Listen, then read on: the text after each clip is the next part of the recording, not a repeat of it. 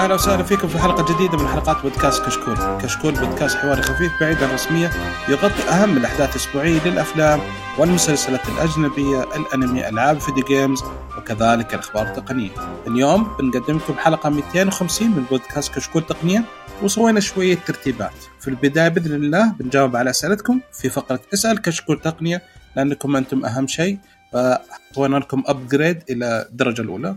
بعدين إي. ثم ننتقل إلى فقرة الأخبار ثم الأخبار السريعة. وفي هذه الحلقة بعد ترجع فقرة تطبيق وبنتكلم عن تطبيق Pricena. وآخر شيء إن شاء الله فقرة المؤتمرات. في البداية أحب أذكركم بأن تقييمكم على ال iTunes مهم جدا ويفيدنا كثير ويساعدنا على الانتشار. وأنتم كريمين وحنا نستاهل إن شاء الله خمسة. ولا تنسون تتابعونا على تويتر وانستغرام ويوتيوب في فيديوهات جميلة نازلة. أول شيء نتعرف على الشباب الموجودين. معنا أخوي معن. ياو ياو ياو سب. هلا حياك الله. ومعنا أخوي محمد. هلو. أهلين حبيبنا. ومعكم مقدم الحلقة بدر الناصر. وكمان حاب نذكركم بأن لنا حساب في باتريون الا ودي يدعمنا بإذن الله بيكون له مزايا مستقبلية. يلا شباب نبدأ بسم الله. وقبل كل شيء نقول لكم كل عام وأنتم بخير ومبارك عليكم الشهر أو العيد. فإحنا متأخرين. وشباب معا ومحمد كيف كان عيدكم؟ مضاحي كيف في أي قصص جميلة صارت لازم في يوم الأضحية تصير م- مقالب. والله أنا أنت نايم؟ أنا شغل. نعم آه، أنا المقلب ما كان ما حصل شيء يعني مثير يعني. لا أنا ب... ولا أي حاجة. شغل شغل شغل بيت نوم. فاتني مقلقل أنا بس. لا أنا كان عندي دوام فرحنا الصبح وكان كل شيء تمام. آه بعدين خلصنا المعايدة وعلى المرضى وزي كذا بعدين انحشنا عشان سالفه تعرف آه، كورونا فرحنا. خلصنا سريع سريع رحنا الأضحية خلصنا منها بعدين بروح أودي الخروف إلى المطبخ فالمطبخ أوه. مفروض إنه ما يستقبل إلا يا إنه عنده خروف ينذبح أو ما يستقبل الضحايا برا بس بما إن إحنا نعرفه فقال جيبوا مو في مشكلة.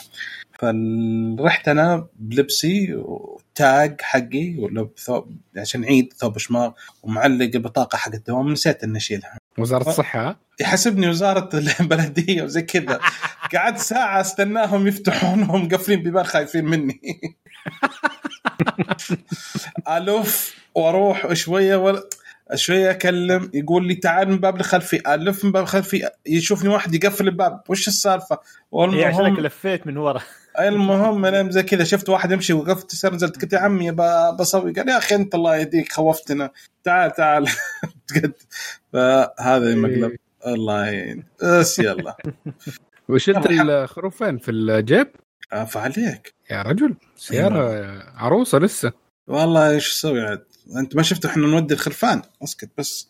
فردت ال فردت شو اسمه الشنطة فرشة و- وكياس بلاستيك وكل شيء. وصلنا يوم نزلناهم.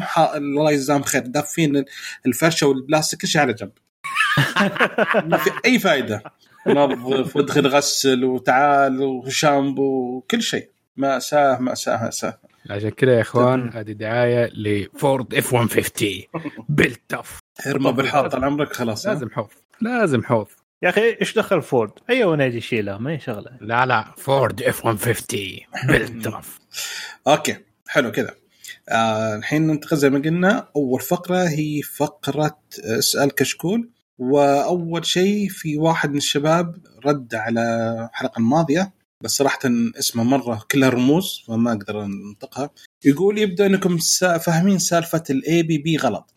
أغلب كلامكم غلط. ما شاء الله مرتين غلط في جملتين ورا بعض. شكله زعلان علينا الرجال. المطور أول يرفع تطبيقه كذا مرة APK الحين يرسله AAB وجوجل تحوله إلى APK بطرق مناسبة للأجهزة المختلفة. أعطانا رات رابط وقال شيكوا هنا وفهموها صح بعدين ناقشوها لأن ما لها أي علاقة بالمستخدم أصلا. رأيكم شباب؟ هي ليها علاقة بالمستخدم إنه في النهاية الفك هي بين المستخدم والمطور. إيش الفائده حقتها؟ إنه الحركة الجديدة بس إنه المطور بس يسوي ال AAB وجوجل نفسها آه هي اللي تطلع ال AP ال APKs منها. ليش؟ لأنه زي ما قلنا إنه حكاية إنه كل جهاز يجي بمواصفات مختلفة عنده احتياجات مختلفة شوية من ناحية ممكن ال- ال bundles اللي تيجي معاها. فال Android developer حيسوي مثلا ملف واحد كبير يكون مثلا حجمه 300 ميجا في كل ال resources والأشياء اللي تحتاجها لجميع الأجهزة. ويحطها في ال AAB حقه ويرسله مرة واحدة ما يحتاج يخليها كل واحدة منهم APK بعدين جوجل بلاي هي من نفسها تفندها وتحط الأشياء اللي كل APK ممكن يحتاجه وترتبها والمستفيد والمستخدم ديك الساعة لما ينزل ال APK اللي يحتاجه. حيكون ال APK شوية حجمه أصغر مناسب لكل نوع من أنواع الأجهزة اللي عليها اندرويد يعني يعني, يعني كلامه صح. نحن فهمناه بشكل غلط تماما لأنه في الأخ اللي كان ماسك الموضوع الأخ حسين آه، أدانا تصور مختلف وصراحة من منا أب ديفلوبرز صراحة. ففهمناها برضو غلط واسترسلنا وسوينا نحن نفسنا دحين آه، اكتشفنا أشياء جديدة. عموما ألفنا عليها. نحن نحب نقول للمستمعين إحنا سوينا أصلا خصم يومين من راتبه خلاص إن شاء الله خير عشان ينتبه مرة ثانية. بالضبط. أوكي. السؤال الثاني يقول هل تقنية الكاميرا تحت الشاشة جاهزة للاستخدام؟ جوابي أنا تغير خلال اليوم تغير. أنا كنت مجهز كلام واليوم تغير 100 180 درجة. طب أنا أقول لك حاجة. قول إيش كان رأيك الأولاني وإيش كيف غيرته. أنا قلت إن الشاشة يبغى لها لسه لأنها خطوة بداية. هي فكرة حلوة ولكن تأثر كثير. لسه التصوير سيء فيها. يا ما وصلنا لمرحلة إن الشاشة تكون شفافة مرة لدرجة إن التصوير يكون مناسب جدا لأن كثير من المستخدمين يبغون تصوير ممتاز. السيلفي صار شيء مهم جدا يستخدمونه في تطبيقات كثيرة. فما في أي سيلفي يمشي. فاللي نزل على زي جهاز ال ZTE Axon 30 اللي نزل أو Axon 20 الظاهر فما كان ناجح يعني لأن أول شيء الشاشة نشوفها تشوف انه فيه pixels خفيفة في منطقه معينه مربع اللي تحت الكاميرا وحتى لما تصور تصوير شوية كذا يعني كأنه ما هو واضح مرة. فكان رأيي إن لسه التقنية بدائية أو مراحل الابتدائية تحتاج وقت. هذا كان رأيي. إلى قبل. وأنا معك ترى على فكرة. okay. إلى قبل بس إيش غير رأيك صراحة؟ أيوه. ZTE نزلت اليوم في الصين جهاز Axon 30 ما في أي شيء يبين وين مكان الكاميرا. شاشة كاملة.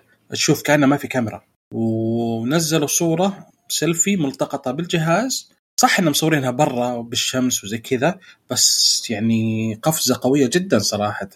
يعني أبدع.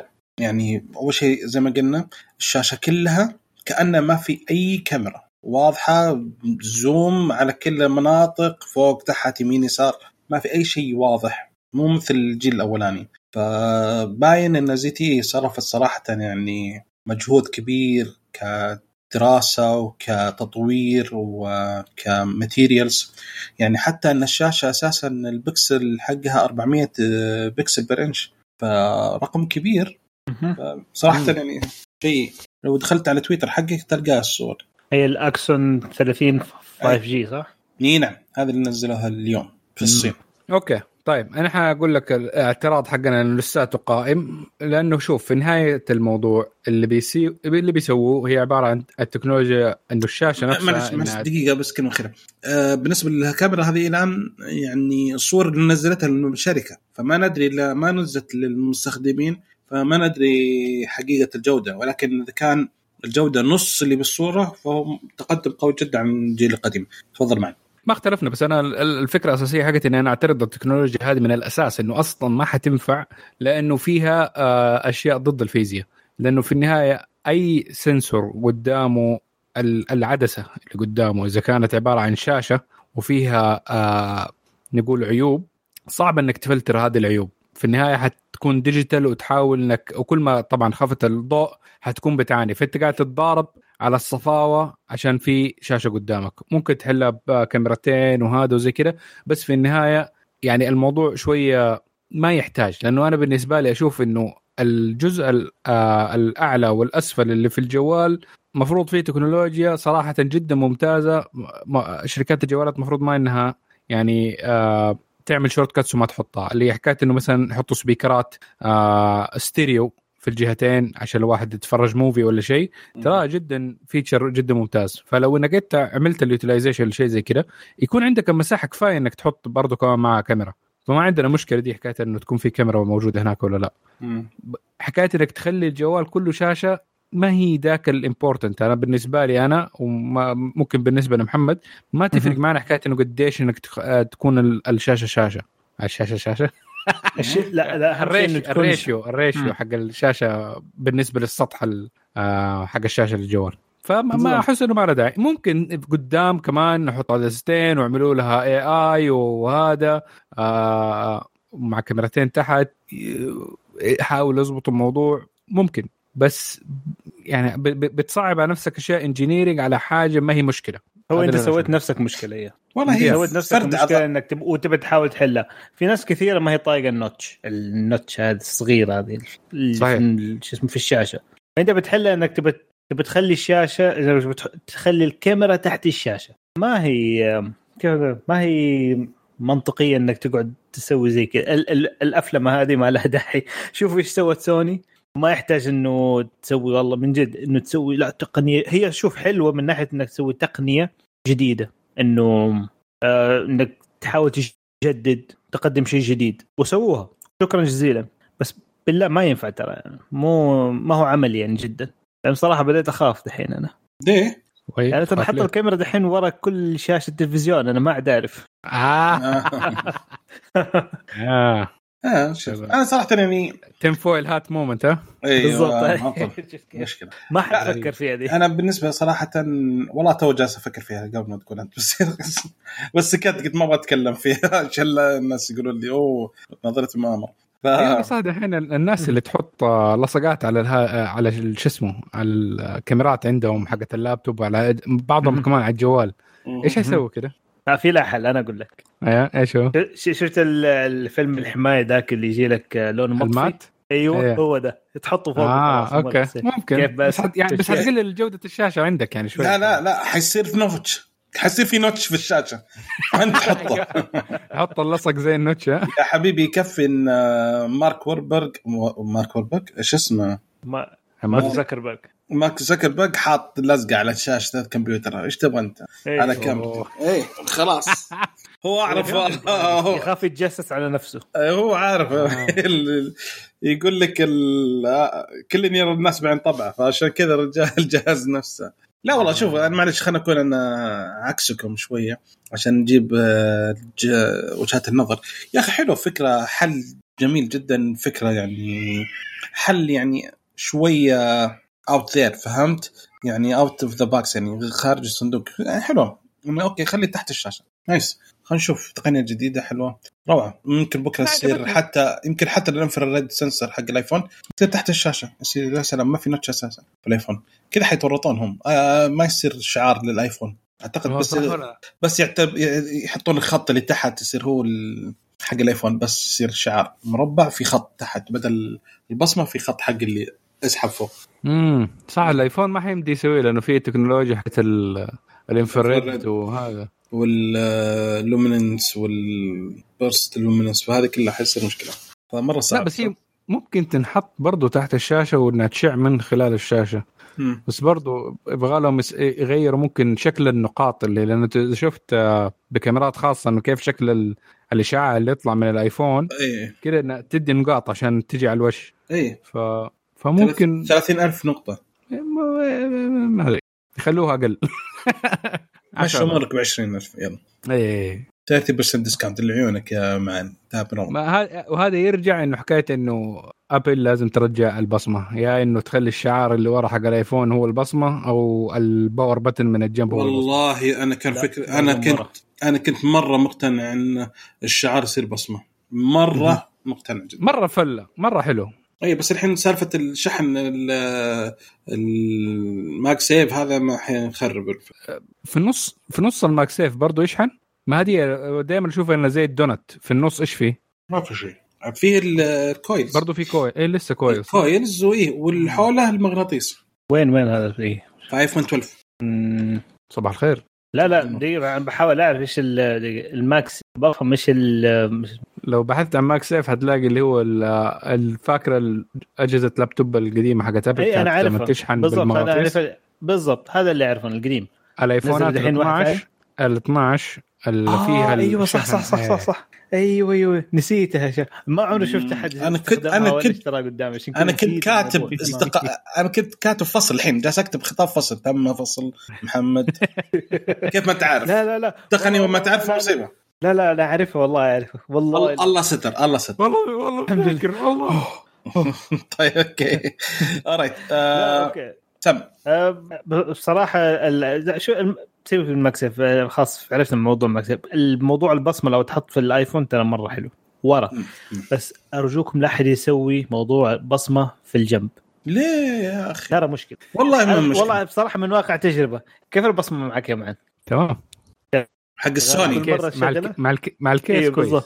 مع ال case. كويس إيه أنا تب... كل تبعد مرة- البصمة فمو بالغلط أيمن. لا سيبكم بالغلط. المشكلة إن آه. عندي كل مرة أجي بفك الشاشة يقول لك أوه أنت لك 30 مرة بتجرب. استنى لا يقول لك إيه؟ استنى 30 ثانية. أنت لو كل شوية جالس تجرب تبصم. يا عمي توي طلعتك من الجيب إيش بك؟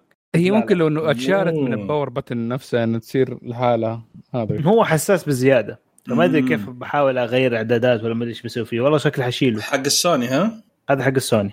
اي لأن هي السوني هي الرائده في الموضوع هذا. ولو إيه. أحط في البصمة؟ إي هي اللي الجنب هي تقريبا كانت حاطه براءة اختراع وفترة طويلة كانت هي اللي ماسكتها. بعدين جت سامسونج وأخذتها.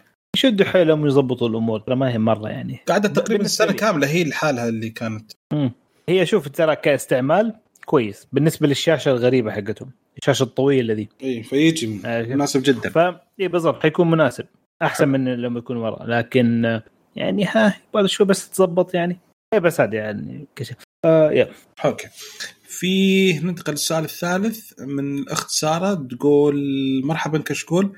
تسبب تحديث سامسونج الأخير في اختفاء معظم الأرقام والأسماء من جهاز الهاتف رغم أنه محفوظ نسخة على الجيميل والسامسونج account إلا أنها اختفت أيضا وحصل نفس الشيء مع أحد معارفي ما الحل في هذه الحالة؟ أو هل يوجد تحديث يصلح هذه المشكلة؟ هاتفي سامسونج Note 8 الحل ال- للأسف الشديد إن إذا كان أنت مسوي update دايم فتنزل Google account وتشيك عليه وتنزل نسخة من ال Google account من ال contact اللي موجوده عندك كلها sorry Google Contact sorry تطبيق Google Contact تنزله وإذا أنت مسوي update دايم فتقدر تلقى نسخة كاملة في ال Google Contact وتنزل على جهازك. المشكلة اللي صار مع الاخت ساره ان يوم شيكت لقت إن الأسماء راحت أصلا من Google Contact فبالنسبه هل في تحديث يحل يصلح هذه المشكلة؟ ما أدري لأن إذا بما إن راحت الأسماء فما في شيء حتى لو سوى تحديث ما حيرجع الأسماء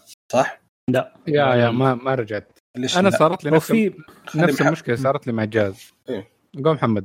إيه، في لا شو؟ جو جو okay طيب. في آه، آه، جلست أبحث عنه والله. تعرف في نا- في واحد جات له نفس المشكلة في Note آه، 9 مهم. آه، سامسونج ردوا عليه. في ال support حق سامسونج قالوا له إنه آه، ممكن تروح على ال applica- التطبيق نفسه ال- ال- الأسماء. في في الإعدادات تروح عند التطبيقات. بعدين عند تطبيق الأسماء نفسه وتمسح ال cache أو تسمح تمسح ممكن تمسحي اسمها دي البيانات المؤقتة. okay؟ وممكن ترجع. يرجع فك البرنامج ثاني ممكن في احتمال انها ترجع. حلو. هذا هذا أحد الحلول يعني المقترحة من سامسونج نفسهم يعني من الدعم حق سامسونج. okay ممتاز. أنا بالنسبة لي ما, ما جات برضو عندي في السوني بدأت تمسح الأسماء بس مو في السوني آه هي مسحت الأسماء في الواتساب من الجهاز وعشان مسحت في الواتساب في الجهاز مسحت برضو من الآيفون فالناس لما صارت تتصل علي ما صارت ما صرت أعرف إنه مين مين بيتصل علي فهي شكلها حاجة صارت معينة في update من update ات اندرويد. وسوت المشكلة دي مع حكاية أرقام لأنه نفس ارقام ألاقيها موجودة already في ال contacts حقتي الاونلاين بس على الجهاز ما ألاقيها. هذه المشكلة. وعشان كذا دائما أقول لما ينزل أي update جديد تستنى عليه شهر اثنين ثلاثة. ثلاثة كويس. تستنى على ال update ثلاثة شهور يكون انطبخ استوى تقدر تعمل update هذه اللي يعني الاستراتيجيه يعني. عشان كذا الحمد لله ماني معاني. أو أنا بالنسبة لي في السوني أسأل معن أقول خرب معك شيء. نخلي مع حق التجارب ها؟ أنا فأرة التجارب. okay. على سالفة التحديث نزل تحديث آه، الآيفون 14.7.1 آه، يحل مشاكل منها آه، فتح الجوال عن طريق الساعة أبل. فاللي عنده يحدثون. آيفون iOS أو الايباد بعد. okay كذا خلصنا فقرة أسأل كشكول. في أسئلة ثانية يا شباب ولا بس؟ أعتقد هذولي. أعتقد لا بس. هم بس هذول بس هذا okay. ننتقل الحين إلى الفقرة اللي بعدها وهي فقرة الأخبار. أول خبر معن أخوي معن عنده خبر صغير حلو عن جوجل. عطنا حبيبي إيش موضوع جوجل؟ طيب. آه جوجل احتمال تتعرض لمساءلة قانونية عشان موضوع ال Play Store حقهم.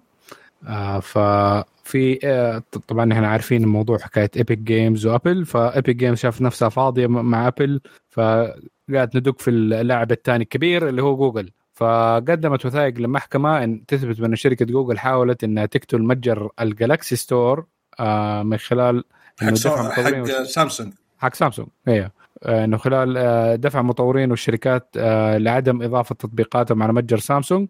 ومنع الشركات المصنعة للجوالات من تثبيت متجر غير متجر Google Play في جوالاتهم. ف آه، جوجل صرحت وقالت إنه لا لا لا ما سوينا. فيا أنت كنت إنه حتى إنه حتى جوجل تسوي الحركة دي بس إنه على تقل الناس. فيعني سامسونج آه، سامسونج Galaxy Store سوت لهم تضييقات. الناس الأصغر آه، استهبلت معهم شوية زيادة. ف فيا طبعا مصدر رزق يا أخي. تقطع تقطع لي م- مصدر رزق. أنت عيال. إحنا قلنا الحلقة الماضية آه، داخلين من Google Play تقريبا آه، كم؟ كم مليار داخل صح ولا لا؟ اي آه، يعني تخيل يروح هذا كله. أكيد في مشكلة. نعم هذه يا أخي. خذوا اتاوات من الاندرويد systems اللي تنحط وربك سامع الدعاء. واشياء يعني أعملوا أشياء عدلة بيعوا جوال عدل. آم، أعملوا system updates بطريقة إنكم أنتم تقدروا تتحكموا بال system updates عشان الناس إنها تطول معاكم فهذه كلها مصادر رزق كويسة و Google Search يعني خلاص كفاية ليش الطمع؟ ليش الرأسمالية. البشعة هذه؟ لازم كل شيء في ناس مستثمرين في ناس يبحثون في ناس هذا كله لازم آه. خلونا الموضوع سايب كذا عشان كذا شالوا don't be evil they become evil ها؟ هذا became evil أي شفت Cruella de Vil الفيلم؟ لا لسه ما شفت والله جيد طيب محمد شفته؟ لا ما شفته بصراحة والله. طيب إعادة آه، الفكرة و تصور. آه، إعادة تصور للموضوع وغير ال- زي فيلم Maleficent الكرتون زي ما زي Maleficent غير زي القصة Maleficent. كاملة. okay حلو. خلوها Alright. طيبة. اي خلاص. نحول فيلم بودكاست الحين أفلام. طيب. ما دام كذا طب في فيلم حق ذا Hitman the Bodyguard's Wife لا The Hitman's Wife Bodyguard إيه، شفت كوميدي. أكشن صح؟ اي أكشن كوميدي. آه، أحلى يعني شوية. إيد وش أقول؟ لا أحلى من اول ان اول أحلى من الجزء الأول. أوه. آه هذا الجزء الثاني قصدك. اي لأن الجزء الأول اسمه The Hitman's Bodyguard والجزء الثاني صار The Hitman's Wife's Bodyguard أوه okay. كوميدي آه. إي. بطولة آه، راين رونالدز من أفضل من أكثر الممثلين اللي. احب اتفرج عليهم. آه،. سامويل جاكسون جالس يمثل ما يمثل جالس طبيعي جاي سامويل جاكسون. يعني مرة مرة مرة تحس ماخذ راحته. وسلمى حايك فمرة cute بالنسبة للفيلم. nice. okay. طاقم جبار. خلينا ننتقل إلى الفيلم خلينا ننتقل الفيلم الثاني آه، قصدي خلينا ننتقل للخبر الثاني طال عمرك. okay حبيبنا. في طال عمرك ال FTC أو اللي هي Federal Trade Commission أو هيئة التجارة الفيدرالية في أمريكا سووا تقرير إنهم اتفقوا بالإجماع إنهم حيسوون anti-competitive repair restrictions أو منع آه، منع آه، تصليح. اللي هو إنهم آه آه يعني وافقوا على حكاية ال- الموضوع اللي كان في كثيرين من الناس بشهر اللي زي لويس روسمان آه اللي هي حكاية ال right to repair اللي هي أحقيتي في إني أصلح نعم. آه الممتلكات حقت اللي اشتريتها. okay فمثلا من كم سنة وهم يحاولون يسوونها آه أنا كنت أتوقع بس شركة أبل هي اللي جالسه طلع لا في شركة اسمها دير هي حقت آه tractors. أوه. اي هذه طال عمرك يقول لك تشتري ما تقدر تصلح أي شيء إلا لما تجي يرسلون فنيين يصلحونها. التراكتر لانها كله برمجة عن طريق الاقمار الصناعية وشيء فيعني too much فقالوا ممنوع يعني مرة. الهدف من هنا بس الهدف بس من أس- أسرع للمستمعين إنه شوفوا في اليوتيوب على حكاية ال- التراكتورات الجديدة اللي موجودة حاليا وشوفوا كيف إنه هذا مو مو زي أشياء زمان. يعني في أشياء مرة حلوة تقنيا فيها من ناحية كيف التحكم بيها كيف ال- إنها تعم- تزرع كيف تعمل ال- الحصاد. كله إلكتروني. الآدمي جالس جوا يضغط إزرار بعدين ممكن ينام هو جوا وهي تسوي كل شيء. ف جدا خرافية الموضوع. عشان كذا فيها قطع مرة كثير كهرباء وشركة دير مسوية احتكار على موضوع إنها ما ترضى لأي أحد ثاني يصلحها. أيوه. فاحنا بالنسبة للتقنية من أكبر الشركة هي من المشاكل اللي تواجهها هي شركة أبل لأن عنده برنامج حق أول شيء ما تصل ما تسمح لأي أحد يس- يسوي صيانة لاجهزتها إلا إذا كان هو معتمد وحتى لو هو معتمد يقتصر دوله بس على تغيير الشاشة أو تغيير البطارية ف يب. اي يعني لو خربت السماعة خرب الشاحن خرب ال... ال... هذا هذا لازم يا تروح الوكيل نفسه أو تروح لأحد. وتضيع اي أو تشتري جوال جديد وتضيعه ف هو هذا الهدف المشكلة إنه أحس إنه بس يشتري جوال جديد. أحس إنه هو هذا ال... لا غير غير لا. تنسوا قصة مع لاين لا، أنا- لما كان عنده iMac وكسر انكسرت الشاشة عليه وما رضيوا آه، يصلحوا له هي في أبل فلما راح للمصلحين المعتمدين لأبل آه، ودخلوا لقوا رقم القطعة وانهم إنه بيحاولوا يطلبوها بس أبل منعتهم انهم إنه يطلبوا القطعة دي. ف أها. أيوه فكان الحل الوحيد لما راح لأبل قالوا له تصليحها سعر التصليح أغلى من سعر ال iMac نفسه. يعني لو اشترى iMac نفسه تاني حيكون أرخص له من إنه يصلح الشاشة. فلما راح للم... للمصلحين الثانيين ما أبل رفضت إنها تدي لهم الشاشة لحالها الحين- فهذه. تقعد إنك مخنوق زي كذا إنه آه، في النهاية إنه التحكم كله عند أبل وما يمديك تسوي الأشياء دي. okay. الحين الشركات هذه آه يعني هم يبغون حيبدون شوي شوية وأعتقد إنه حيبدون مع الشركات شوي شوي يبدون مو كل الشركات مرة واحدة عشان لا يكبروا اللقمة. آه في شركات جالسة تقول okay أنا عندي المشكلة كبيرة إنه لو صار أي شيء أنا اللي مساءله. يعني الحين مثل أبل تقول له أنا أخلي أي أحد يصلح الآيفون وصلح الآيفون مثلا برا وصار انحرق الجوال ما حيروح المحل حيجي يشتكيني أنا. هذا كلام أبل يعني. okay؟ آه نفس الشيء آه شركة دير. تقول لو خليتك إنك أنت تصلح جيت سويت آه تصليح القطعة وزي كذا. والقطعة مثلا ما هي مناسبة. مثلا لو اختلف حتى شوية فحتى بالأقمار الصناعية حيصير لخبطة حيصير شغل غلط فحيسوي زي كذا. ولكن في ناس كثيرين يقول لك أنا أشتريت جوال أنا ما نب ما نب بس جالس أستأجر الجوال أنا. أنا دفعت فلوسه. أنا ما استأجرته منك اجار عشان نهاية السنة برجع لك وما. أقدر. أنا هذا جهازي أنا حر فيه أنا أستخدمه أنا أسوي فيه. فمفروض إنه زي كذا. ففي كثير من الناس يقولون يعني نبغى الصلاحية إنه الشركات بس إنها يعني الشركات تحاول قدر الإمكان إنها تقلل القيود حقتها. بان مثلا تخلي تسمح للناس توفير قطع مثلا آه، يعني هو أكثر شيء يصير خراب في في الجوال مثلا وشو؟ الشاشة. بعدها البطارية الطريق. بعدها منفذ الشاحن صح؟ إيه. صح. okay. آه بعدين تجي بدرجات أقل السماعة وال إيه السماعة مثلا والكاميرا الخلفية. okay. فانا ليش ما أخلي ما دام أنا عندي ناس يسوون صيانة للشاشة ويسوون صيانة للبطارية خلي يسوي صيانة للمنفذ خلي يسوي صيانة لل... للأزرار الباقية. خلصنا ما بقى شيء يعني. ليش؟ يغير لي ال motherboard مثلا إذا صار في شيء ولا ال RAM ولا في شيء زي كذا.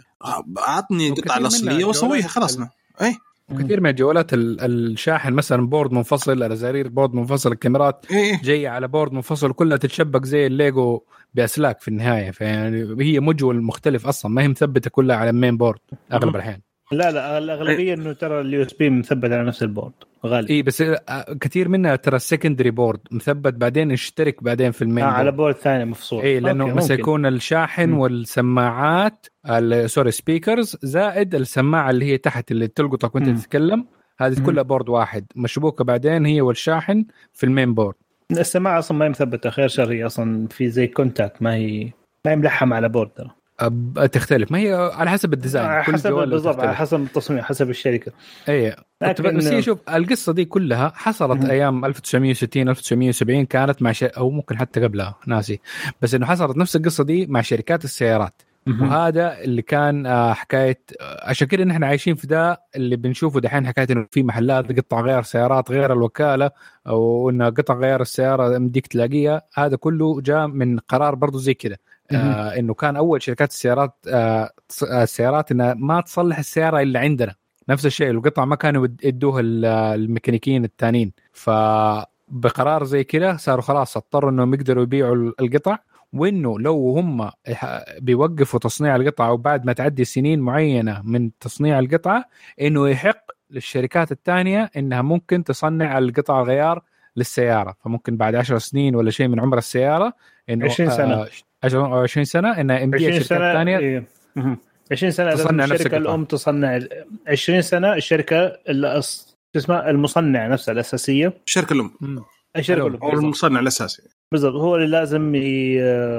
آه، يصنع ملتزم ملتزم بتصنيع القطع غيار للسيارة وصيانتها لغاية 20 سنة قدام بعد كذا عاد مو مسؤول هو زي اللي نفس حصل في ساب. يا زي اللي حساب ساب. ونفس الشيء موجود ترى برضو كمان في شركات الأدوية إنه شركات الأدوية ما يمديها تقعد محتكرة دواء واحد آه تقعد هذا إنه لازم إنها تطلع ال patents حقتها والاشياء دي وإنه عشان ناس ثانيين يقدروا يسووا اللي هي أدوية مماثلة.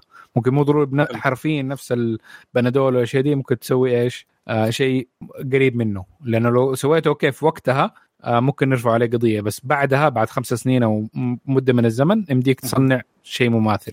بالضبط. okay مع حلو. كورونا يصير ممكن أقل سعر بعد 20 سنة. هو already هي مشكلة م- دوك لقاح كورونا إنه التكنولوجيا اللازمة عشان تصنع واحدة من العقارات هذه جدا جدا عالية. آه، فمو أي مختبر مو أي مصنع أدوية يقدر يسوي اللقاح.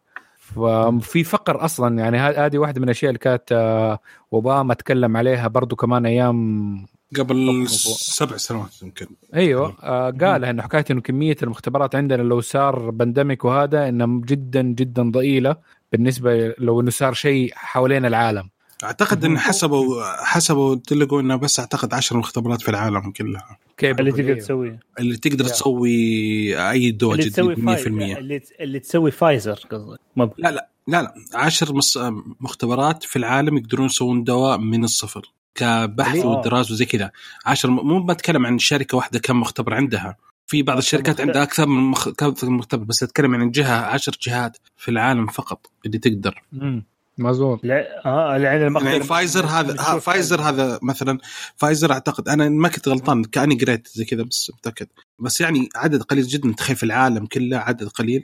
ترى تو yeah yeah ما عندنا أي شيء لا في أفريقيا ولا في آه، الشرق الأوسط. أيه. الشيء الوحيد اللي قريب أقرب شيء عندنا اللي هو حق الهند. نعم. عندهم مختبر واحد ولا آه أظن الهند. مو. بريطانيا الصين لا مو عندهم بريطانيا الصين عندهم إيه وأكثر من أيه. واحد الصين عندهم okay آه، أظن روسيا. عندهم زي كذا أنت أنت لما هم اللي- سمعتوا عن حكاية العقا انها الدول اللي جاي منها ال- ال- هذا هي لا. تقريبا الدول اللي فيها المختبرات دي نعم. وهي قليلة بالضبط حلو تمام الله يعطيكم العافية ننتقل للخبر الثالث وخبر محمد يعني مرة متحمس يعني كان مبسوط جدا لما سمع الخبر حق مايكروسوفت والله مبسوط ومش مبسوط صراحة يعني. هي خدمه الشماتة الشماتة هي خدمة. خلينا خلينا نقول هي خدمة موجودة. للي يبغاها ياخذها. خلاص انتهينا. ناخذها كده المهم اللي باختصار إيش الفكرة؟ مايكروسوفت. مايكروسوفت ده الآن أعلنوا عن خدمة Windows 365 Windows 365 يعني الحين عندك Office 365 اللي هي عندك تدفع اشتراك شهري أو سنوي عشان تاخذ خدمة Office آه الآن Windows حيصير نفس نفس الفكرة. فإيش الآلية حقتهم؟ يعطيك مثلا كمبيوتر. اللهم مو عندك. كمبيوتر كامل يعني مع ال مع ال hard disk ال RAM المعالج كل شيء. اللهم موجود عندهم في ال cloud يعني إذا احتجت مثلا كمبيوتر آه، بدل ما يكون مثلا تشيل لابتوبك معاك ور- وين- أنت رايح وأنت جاي ممكن تأخذ معك مثلا جهاز صغير وتسوي remote desktop على جهازك اللي في النت. كل شيء يتطلب الشيء الوحيد اللي يتطلب منك هو اتصال انترنت. بس عشان تشبك بكمبيوترك اللي عند مايكروسوفت. طبعا يعطوك يعني مثلا نبدأ من خلينا ناخذ كم مواصفات شيء مثلا خلينا نقول أبو تقريبا 31 دولار في الشهر. يعطيك 4 giga RAM آه، اثنين core آه، CPU آه، معالجين آه، شو اسمه؟ آه، زي core ستوديو اسمه؟ المهم ثنائي النواة. thread ين two threads two threads ما أدري. لا هو ال dual core اثنين. حيكون. المهم اني anyway حيعطيك المهم آه، معالج ب dual core. نواتين نواتين نواتين 4 giga RAM. 128 giga hard disk هذا أقل شيء. هذا لا في أقل من كذا. تقدر تاخذ معالجين تاخذ حتى 2 giga RAM و64 تقدر تقصهم بالنص حتى. معالج واحد واحد, حلو. بس ما أدري كم سعره صراحة. حيكون أقل من كذا. لكن هذه مثلا عندنا بالمواصفات دي تدفع عليه 30 دولار أو 31 دولار شهريا. طبعا أوه. مين اللي يستفيد من الكلام هذا؟ الخدمة هذه كلها. هذه إذا عندك أنت آه، شركة أو مؤسسة صغيرة يعني بحدود خلينا نقول 300 موظف 100 200 موظف. بدل ما تجيب server ات وتجيب آه، شو اسمه وتجيب مو server ات اسمه تجيب كمبيوترات لكل كمبيوتر لكل واحد. عارف كيف؟ والموظف هذا ما تدري حيروح حيرجع. لا تسوي الواحد في ال cloud.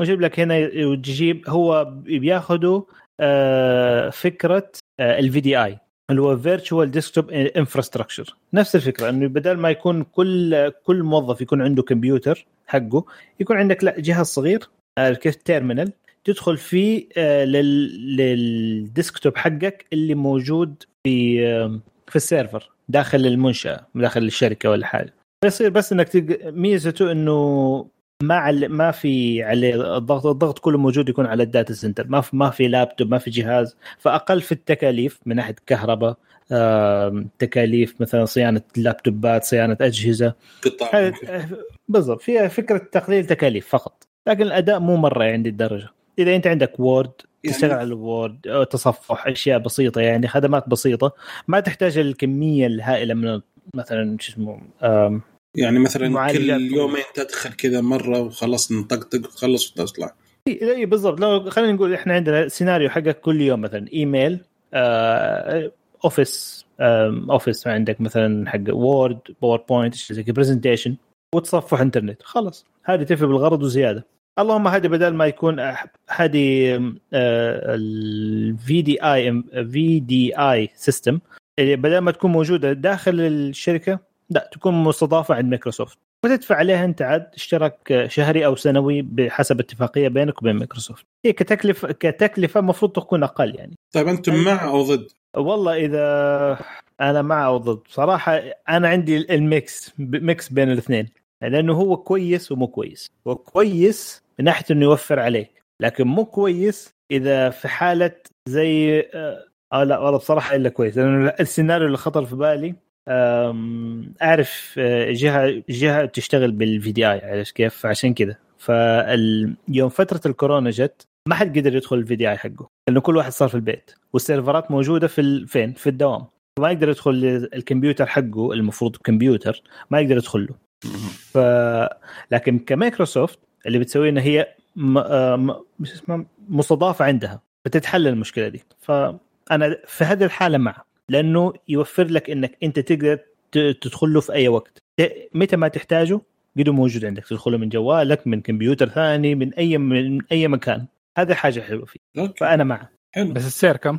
30 دولار على قلنا dual core 4 giga RAM في الشهر. و128 giga hard disk في الشهر أيوه آه، هذا أعتقد على مستخدم عادي ما أعتقد كمستخدم يعني انت خلاص انت انت أول شيء قول له مثلا أبغى حقت واحد قول له مثلا أبغى 300 ولا أبغى 100 يعطيك إياه بسعر الجملة إن شاء الله. بس أوكي إيش الفكرة؟ كمان شوف في حاجة معاه.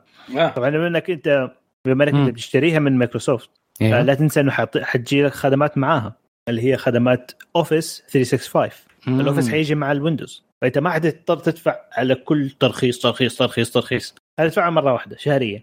آه ال Windows فهمتك فهمت ال Windows مع ال Office حقه مع كل شيء جاهز مجهز و secure. هنا الفكرة في الموضوع. بس يعني هذا ما أتوقع إنه حيكون الشغل ال heavy لأنه إيه، لا، ما حيكون فيه لأنه ما يتدخل لا bandwidth ولا process power ولا شيء. يعني work عادي طبيعي صح ولا لا؟ بالضبط office work حق office work عادي. ما شو يقول لك 4 giga RAM أصلا. تقدر تاخذ أكثر من كذا وأشياء قوية نقدر. ننزل هذه 2 فكرة. giga RAM يعني شكله بس أيوه PowerPoint present preparation يقول أقل شو أقل شيء عندهم يقول لك أقل شيء عندهم يقول لك تاخذ واحد واحد core 2 giga RAM 64 giga hard disk يجي معاه آه شوف يجي معاه آه Office البسيط العادي اللي عن طريق النت ما هو ما هو البرنامج Basic. المثبت هي basic ال basic مرة عن طريق الويب و Edge OneDrive وبس ما في شيء ثاني. في في خدمات call center وال education وما أعرف كيف بس ما هي يعني اللي ما هي critical يعني للاستعمال اليومي. بس في عندك خيارات المهم حسب الحاجة تقدر تفصل هي تقدر تفصل فيها زي ما تبغى. حلو تمام. الله يعطيك العافية. الله يعافيك يا. أوكي آه الخبر اللي بعده معا عندك خبر عن تسلا؟ طيب. الخبر هو عن تسلا إنها أعلنت عن حكاية إنها دحين صارت تقدر تبيع رسميا ال Megapack حقها آه، بسعر يبدأ من 1 مليون دولار. طبعا ال Megapack اللي هي مجموعة البطاريات اللي كانت موجود آه، تكون موجودة زي storage unit آه، وأقل حزمة يمديك تأخذها اللي هي 3 ميجاواط في الساعة. الخبر حقه ممكن فاكرين قبل سنتين ثلاث سنين كان موضوع حكاية أستراليا إنه كان عندهم مشكلة في الكهرباء إنها في. فيها ما هي ثابتة وفي في كانت كهرباء منتجة من solar power أظن كانت آه، أش- خلايا شمسية. فكانت في في ذبذبه في حكايه انها لما تفصل من الأشعة الشمسية وتجي لل main grid فحلوا لهم تسلا الموضوع بحكايه انهم عملوا لهم زي ال Megapacks وعشان تعمل لهم زي فلترة لل power فال Megapack حاليا ال- الواحد زي ما قلنا يبدأ من 3 ميجاواط آه، للساعة وتقريبا هذا وسعره مليون دولار بس طبعا هذا الس- السعر لا يشمل الضريبة والتوصيل والتركيب. فممكن توصل حتى مليون و235 ألف دولار أمريكي. يعني آه، تقول ممكن السعر عالي بس إنه بالنسبة للي أنت بتاخده كمجموعة بطاريات تقدر تدي لك 3 ميجاواط في الساعة ترى جدا جدا ممتاز السعر. آه تقريبا ال configurations الأشياء اللي هي محطات وهذا يعني ممكن تاخذ أنت pack واحد اللي هو ده بمليون لبيت ولا حاجة بس عادة اللي هي ممكن تبيع اللي هي 10 Megapack آه 10 هي Megapacks مع بعض فتدي لك 30 megawatt hour آه حيكون آه كسعر الكهرباء اللي تنتجه وهذا لما تنشحن بالكامل بعدين تبدأ تفرغه يكون جدا الزيادة اللي عليها جدا ممتاز ال- السعر مع إنه سعرها حيكون قريب ال 12 مليون دولار. بس فرسميا صار ام دي الشركات الام دي تشتريها رسميا. وإذا حاب إنك تحط واحد Megapack صغير كذا حليوه في بيتك برضو ليه لا. ما في مشكلة. هو هو ممتاز زي كأنه إيش المشكلة؟ تقدر تحطه ك backup unit حتى إذا تبغى. ما هو الفكرة إنه استعماله ك UPS. يا يمديك تستعمله ك UPS. بس هذا على نظام على مكان يعني دولة مش على شخص. لا لا ثلاثة مش. ميجا واط لا ممكن ينفعكم في المستشفى. إيه أقول يعني كان يعني قصدي يعني كجهات مش مش يعني شخص كبيرة فيلل قصور أشياء زي كذا ممكن تستفيد من ال Megapack إيه آه، إذا في أحد عنده برضه م- مزرعة كبيرة وفيها خلايا شمسية كبيرة وحاب برضه يبيع للدولة بس في نفس الوقت كمان ما يبي يس- يستخدم في الليل فممكن ياخذ له Megapack واحد كذا وخلاص بمليون الليل مغطى 3 مليون دولار. أربعة. بس لو أنت كنت مقطوع في مكان مرة مقطوع وبتستخدم إيه. بس أشعة الشمس تحتاج ستورج. فاهمني؟ يعني حتى ممكن صح. إنه 3 ميجا با... 3 ميجا واط كم هذه؟ ممكن تدي بس لك كم تقعد؟ دقيقة هذه مو مم. تدي لك آه، 3000 بيت تقريبا لا أنا أقول لك أنا أقول لك تشحن آيفون لغاية مليون مرة يعني إذا أنت تقدر تعبي 800 مرة الج- البطاريه قبل ما تخرب مليون مرة حتنفجر جهاز zero إيه، بس- 1000 زي ما قلت حكاية إنه حلول للقرى الأشياء اللي ممكن ما وصل لها هذا مهم. تنفع ال Megapack في ذيك الساعة. مشاريع ما مشاريع. ليه استخدامات جدا ممتازة وهذا والسعر حقه ما دام إنه تسلا بتصنع بطاريات حقتها بس في بس آه كل هي بالضبط. هنا المشكلة. البطاريات دائما دائما تخرب. إذا أنا أتكلم ك UPS ك UPS دائما دائما تخرب. لازم يصير لها replacement وغالية إيه. غالبا. إيه بس في ال في ال smart يو هذه الكبيرة عادة يكون إنه حتى ال إنه فيها سم فيها smart aspect من ناحية إنه لو خرب cell من ال cells إنه يمديها. تستثنيه. اي طب بس لازم؟ تبدله. مو ضروري لأنه مرات يكون إنه شريحة كاملة وفي جزء من ال pack هو المضروب فيمدي يستثني بس الجزء ده. ام ام دي يعني هيشتغل ب efficiency أقل لغاية ما ممكن تستبدل الشريحة كاملة. فممكن تديك خدمة ل 10 سنين 10 قدام بدون ما تحتاج إنك تغيره. حتى لأنه في واحدة من ال small parts حقته واحدة من ال cells الصغيرة failed نتكلم و- آه، ك pack واحد واحد بس لا مو. ال pack ال- واحد خلي إيه، خلي واحدة من الخلايا البطاريات الصغار دول اللي داخله. أيوه أيوه والله إذا كذا okay. يا ف nice. بس غالي يا أخي. أنا أعرف إنه شوف آه، أسمع موضوع أستراليا وعنده موضوع ال brownout هذا حق الكهرباء. بس هل حلتها فعلا تسلا؟ أنا ما عاد قريت آخر شيء أخبارهم. أنا أذكر آخر فترة كانوا لغاية 2018 هم يشتكوا موضوع الكهرباء. امم هل حلتها تسلا؟ إي حل- حلوة في المنطقة لأنه هي كانت آه، region معين. ما أدري في لأنه أستراليا كبيرة فما أدري ممكن في region ثاني في المشكلة كمان برضه لا طلع يا أخي هم لازم يضبطوها في الكل ما يضبطوها في مكان واحد. ما ليه مسؤولة وزارة تسلا هي. خلاص. هم عرض كانت challenge ال prime minister أظن عرضها إنه اللي يحل لنا مشكلة له ما ادري كم مليون دولار. حلوا لهم مشكلة حركة دعائية. قال لهم أسبوعين واضبطكم يا الأستراليين. اوريكم ال- السوفت باور حق أمريكا. بس أستراليا فيها الشمس تضرب بقوة يعني. مع شكل عندهم. سولر وعندهم ويند أها. آه قصدك حرارة يعني ميجا باك بحرارة إيه عشان بطاريات إيه. واتر كول دي حبيبي. حلو وات- يا عمي المويه وهي داخله غلايه ليه كم درجة الحرارة عندهم؟ ما مو أدري 50 سمع. زينا. يوصل يوصل إيوه إيوه مناطق يوصل حبيبنا مناطق حطها أنت مكان عالي إيه. كذا حط عليه شيد في حركات هندسية تسويها مكيف. عشان الحرارة تغير كيف عليه ها فكرة آه. والله صح البطاريات لأنه عارف إنه لازم شوف خلينا نتكلم عن البطاريات العادية لازم ما ترتفع عن درجة حرارة 25 إذا ما خاب ظني البطاريات حق ال UPS. حالة عندنا. لا بس هذا حق الكمبيوترات والاشياء دي الصغيرة الان home لا لا, لا. rated هذه حق data center هي يعني data center already مكيف ثلاجه أصلا لما تخشوا. طيب ما اختلفنا بس هذه الفكرة. إي بس إس. نوع البطاريات تختلف. إذا كانت out أيوة door. زي اللي على السيارات تختلف مم. ال rating حقها. okay صح. yep. أنا بحاول ما أستخدمها بس هي المشكلة. خلاص okay. آه، عشانك عشانك بخيل. ما تبى تصرف على الكمبيوتر حقك. الكمبيوتر حق مساكين. ما, تبى تحميه من الصعقات الكهربائية حقت شركة الكهرباء حقتنا اللي فجأة طن قفلت. والله أنا يبغى لي أجيب واحدة على للشاشة عندي. أيوه أنت. لأنه لازم تبي تدفع كم- 1500 ثاني ولا شيء. كم مرة غيرت؟ ال board الحين؟ ثلاث مرات. لا مرتين. مرتين أو ثلاث؟ مرات. أيوه حرق بدر. علي ال board. الشاشة حقته كل ما فصلت الكهرباء انحرق ال board اللي جوتها يا ساتر. لا بعد ثالث مرة أو رابع مرة ينفصل كذا. في timer جاهز. 1 2 3 خلاص time out ال board خلاص طق. هو ترى على فكرة ترى مو البورد اللي ينحرق. هو الروم الابرم الصغير بس. فعليا. يعني شريحة إلكترونية. ما كم تأخذ يمكن 8 دولار يمكن قيمته. بكا... وفين ت- ترسله وفين تصلحه؟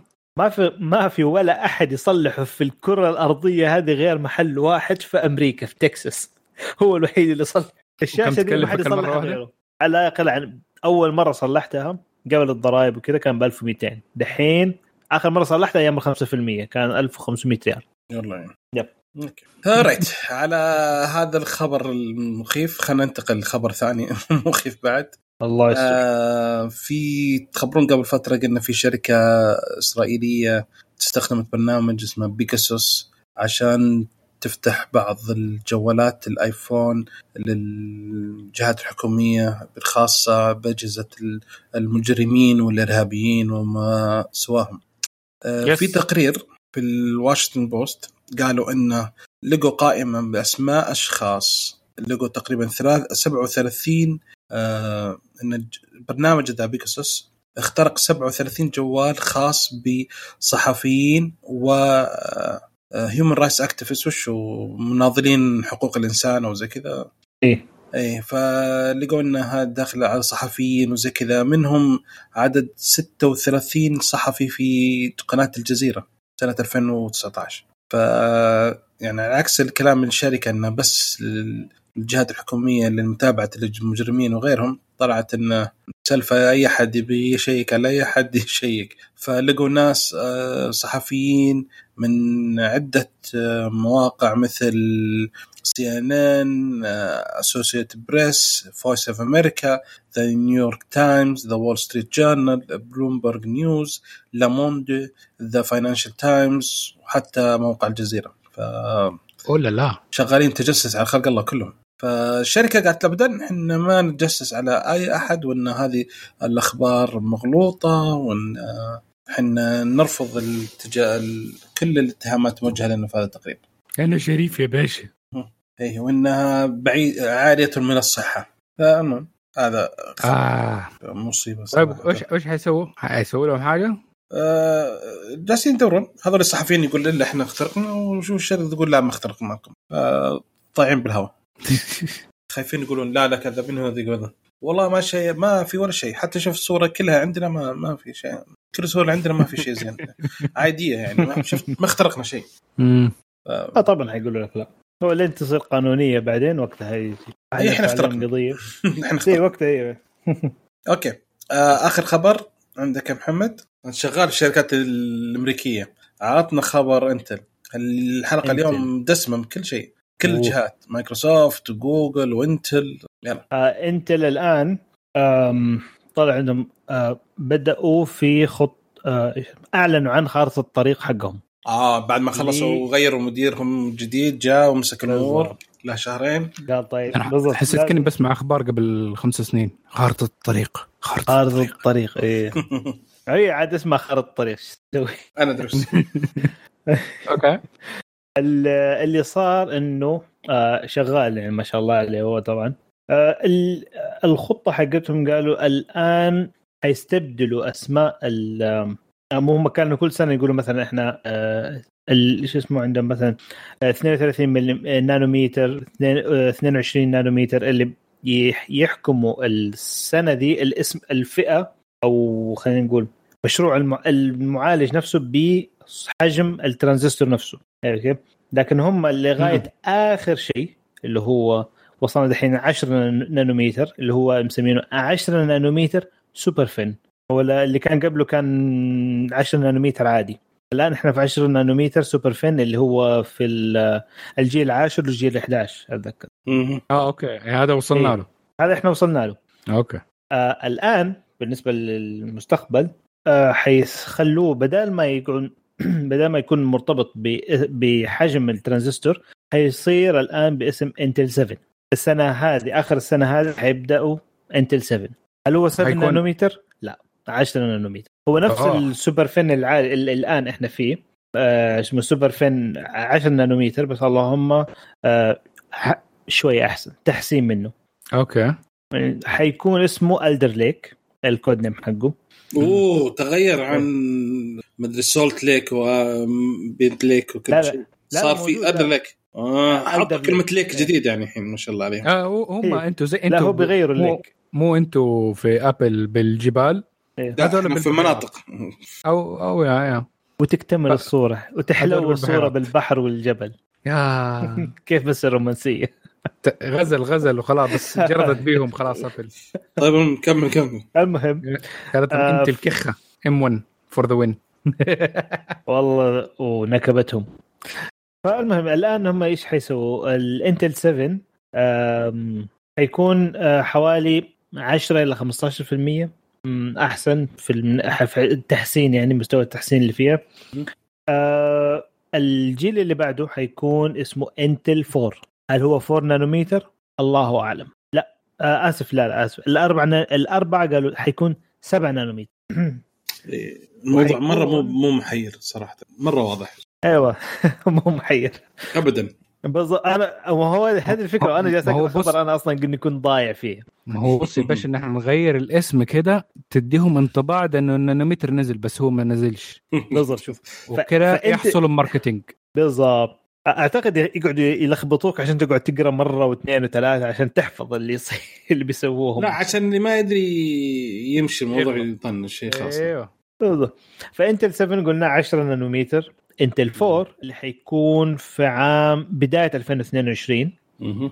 آه حيكون 7 نانومتر وحيكون آم، حيكون فيها integrated GPU معاهم اللي آه، شو اسمه؟ Xe إيش اسمه؟ إكس اي إكس اي إكس؟ اي الجي بي يو الصغير اللي اللي APU اللي هو معالج جنبه كرت آه، هم كانوا Iris Pro Iris بعدين Iris آه، الآن. Iris Xe Iris Xe أوكي. آه، اللي هو الحالي بس أكيد محسن يعني هيكون يحسنوا كل شوية و... واشتغلوا مع الراجا كدوري اللي فقع من. AMD وجاء لهم أو شفطوه من A MD بالعربي. بالضبط. لا شغال كانه كأنه تحسن ال- ال Iris. أكيد طبعا يعني. إي إي صار احسن إيه. كثير.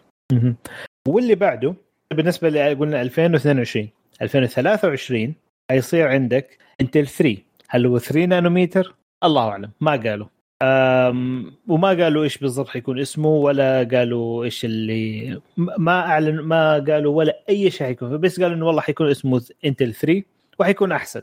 ما عليك يعني لا تخاف لا تشيلها. نزل حنشوف surprise يلا. بالضبط. واللي بعدها حيصير عندك Intel 20A أوه. آه عام 2024 حيصير. آه حيكون يقول لك شيء ترانزستور مختلف حيكون اسمه ال RibbonFET. هذا اللي تكلمنا عنه وسوينا موضوع حلقة منه. بالضبط هو ده. فحيصيروا يعتمدوا عليه في 2024 وهو كان على أساس اختبار يقولنا خس- حيكون خلال 2024 25 صح؟ اللي. سوته IBM كانت. مظبوط. أتذكر. IBM وسامسونج yes فانت انت الآن داخلة في الموضوع هذا. وحيكون تقريبا 2 نانومتر أوه صغير. yep. yes و2025 حيكون عندهم انتل 18 A what بالضبط. what ف... بالضبط. بننزل في أرقام إيش صار 18 لا 18 إيوه لا نزلنا. هو كنا بدينا في 20 A 2024 2025 حيصير 18 A آه okay. yeah. آه، آه، بس okay. ليش يحطوا حرف أنا ماني عارف؟ لأن كنا وصلنا سبعة أربعة ثلاثة بدينا 20 مرة ثانية. حيرجعون بس ليش الاي اي من ادفانسد ادفانس آه لا لا. عاد إيش دقيقة؟ ت- ت- ت- 20 آه ang angstroms إيش يعني انجستورم؟ آه. فيها ثانية. أنكستورم اللي هي وحدة أظن آه، وحدة, وحدة قياس. قياس. أظن أقل من نانومتر حاجة زي كذا آه okay فقاعد يصغر ثاني برضه ف 2 ملم هي نفسها 20 انجستورم حاجة زي كذا 2 نانومتر هي نفسها 20 انجستورم و يعني 1 10 يساوي 1 م- نانو؟ أي 10 10 انجستورم واحد نانو. حلو. أظن. أنا أنا راضي مسامحكم. الشباب اللي يسمعونا حيلقون شيء حيصححوا لنا. عادي جدا ما عندنا مشكلة. أنا عند أي مشكلة. الله يعطيك العافية. ما أدري في النهايه انتل قاعدة تضرب دحين بتحاول تجمع أي حاجة عشان تتنافس مع ام دي وهذا هذا الشيء. كويس. هذا كله في مصلحتنا نحن كمستخدمين ومشترين. انتل تعدل وتبدأ تسوي أشياء كويسة في ال roadmap حقها وتنزل النانوميتر وتنزل أسعارها عشان تكون منافسة. هذا كله شيء يرجع لمصلحتنا. شيء ممتاز. نشوف إيش رد AMD حيكون لما هم يطلقوا ال roadmap حقهم. إحنا مستفيدين عموما. خليهم. يسوون اللي يبي حلو. حلو. okay. نبدأ عاد طال عمرك في الأخبار آه كذا خلصنا الأخبار ونبدأ عاد في الأخبار السريعة. okay؟ انطلق يا بدر. بسم الله. أول شيء يقول لك جوجل أعلنت إنها بتدعم بيكسل 6 و6 Pro بخمس سنوات بدون تحديثات. ترى هذا واحد. آه في نظام اندرويد 12 الجاي حيقدر الواحد يستخدم ميزة اسمها آه شو اسمه؟ انه حيستخدم يقدر يبدأ يلعب في اللعبة خلال تحميل اللعبة. أوه. إيوه. والسيري يستخدم من يعني خصوصا في ال... في هذه الميزة الممتازة لما يكون عندك النت بطيء أو يكون اللعبة كبيرة مرة. فأول حينزل تقدر تلعب في المراحل الأولى خلال ما الجهاز يحمل. right حلو. حلو. آه مستخدمين كمبيوترات نظام ويندوز في فايروس يستخدم تقنية ال BitLocker بتشفير الجهاز منتشر بشكل كبير مرة. يعني لو اصاب بالجهاز حتمسح ال... ال... شو اسمه؟ تتشفر الأشياء. أي تشفر أشياء ففيها مشاكل ولازم الواحد ينتبه آه، ولازم يحافظ على معلوماته في ال hard disk الخارج. BitLocker مو حق مايكروسوفت نفسهم؟ أيوه يعني ممكن يفكوه بس كذا. حيكون معناه في ثغرة فما حيسووها. فالواحد مسكين حينضرب. الله يعين فهو زي ما قلنا إنه واحد لازم آه، يلتزم الحذر وما يحمل برامج مسروقة أو برامج من مصادر غير موثوقة. وبياناتك المهمة احفظها في hard disk خارجي احتياط. أو إذا كان عندك NAS فإنت إنسان بطل. وإذا كان عندك cloud. storage فإنت إنسان غني. فيا أوكي حلو. لا في- في حاجة ثانية بصراحة. موضوع ال storage إيوه. في عندك لو تبغى شيء كذا ل لك وللزمن بلاش hard disk بلاش أي شيء. في عندك دي في ديات كذا أو بلوراي آه، مخصصة أمشي للأرشفة. أمشي أمشي أمشي العتقي أمشي أمشي لا لا لا. ما, عاد دي- عنده دي- اس دي. دي اس اس دي غير كذا لا تدور. لا لا. هذه هذه لحفظ للأبد. أنا اشتريت اس اس دي سامسونج تي 7 سعر غير طبيعي. من امازون شيخ انبليفبل روعة. سريع التحميل حقه بكل شيء روعة. لا حد أي شيء ثاني. وضد ال shock وضد الماء شيء شيء ممتاز. المهم. مرحبا بك في عالم ال SSD يا. مستر أبلا- أبلاوي. لا من أول عندي بس المشكلة كل ما أشتري بالضبط. أبل من البداية. إحنا عندنا فلاش هم- بعد نسيت أنا. بس انه أول ناس كان عندهم M 2 اي بس تدري بسوي آه، أيوه. بسوي؟ أنا بسوي format للجهاز كله.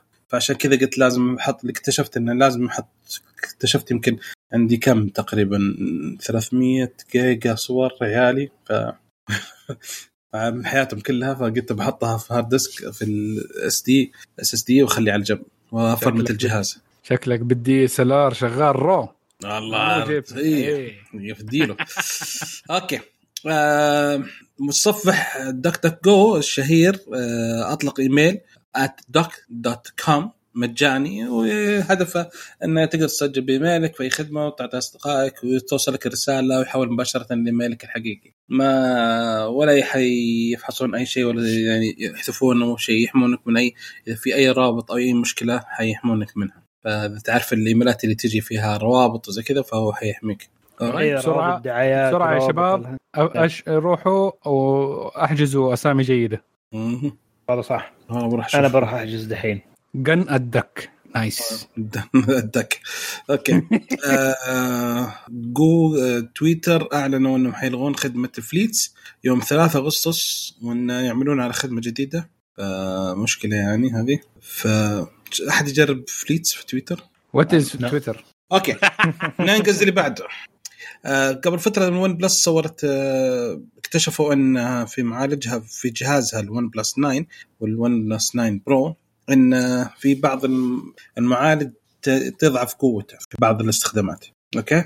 فالناس الشركة قامت تهبت وقالوا ما يصير و... وليش وأنتم زي كذا. فقالت ردت عليهم قالت إحنا أنتم لما مستخدمين OnePlus 9 و OnePlus 9 Pro لما تستخدم تويتر ولا انستغرام ولا تقرأ مقالة تحتاج المعالج شغال 3 جيجا هرتز إحنا نقلله في استخدام لما في بعض التطبيقات نخليه ينزل عن السرعة العامة عشان تخفيض الحرارة والاستهلاك. okay؟ آه Qua- Qualcomm ما عجبها الموضوع إن التحكم في المعالجات حقتها بهذه الطريقة. فش- والله شوف.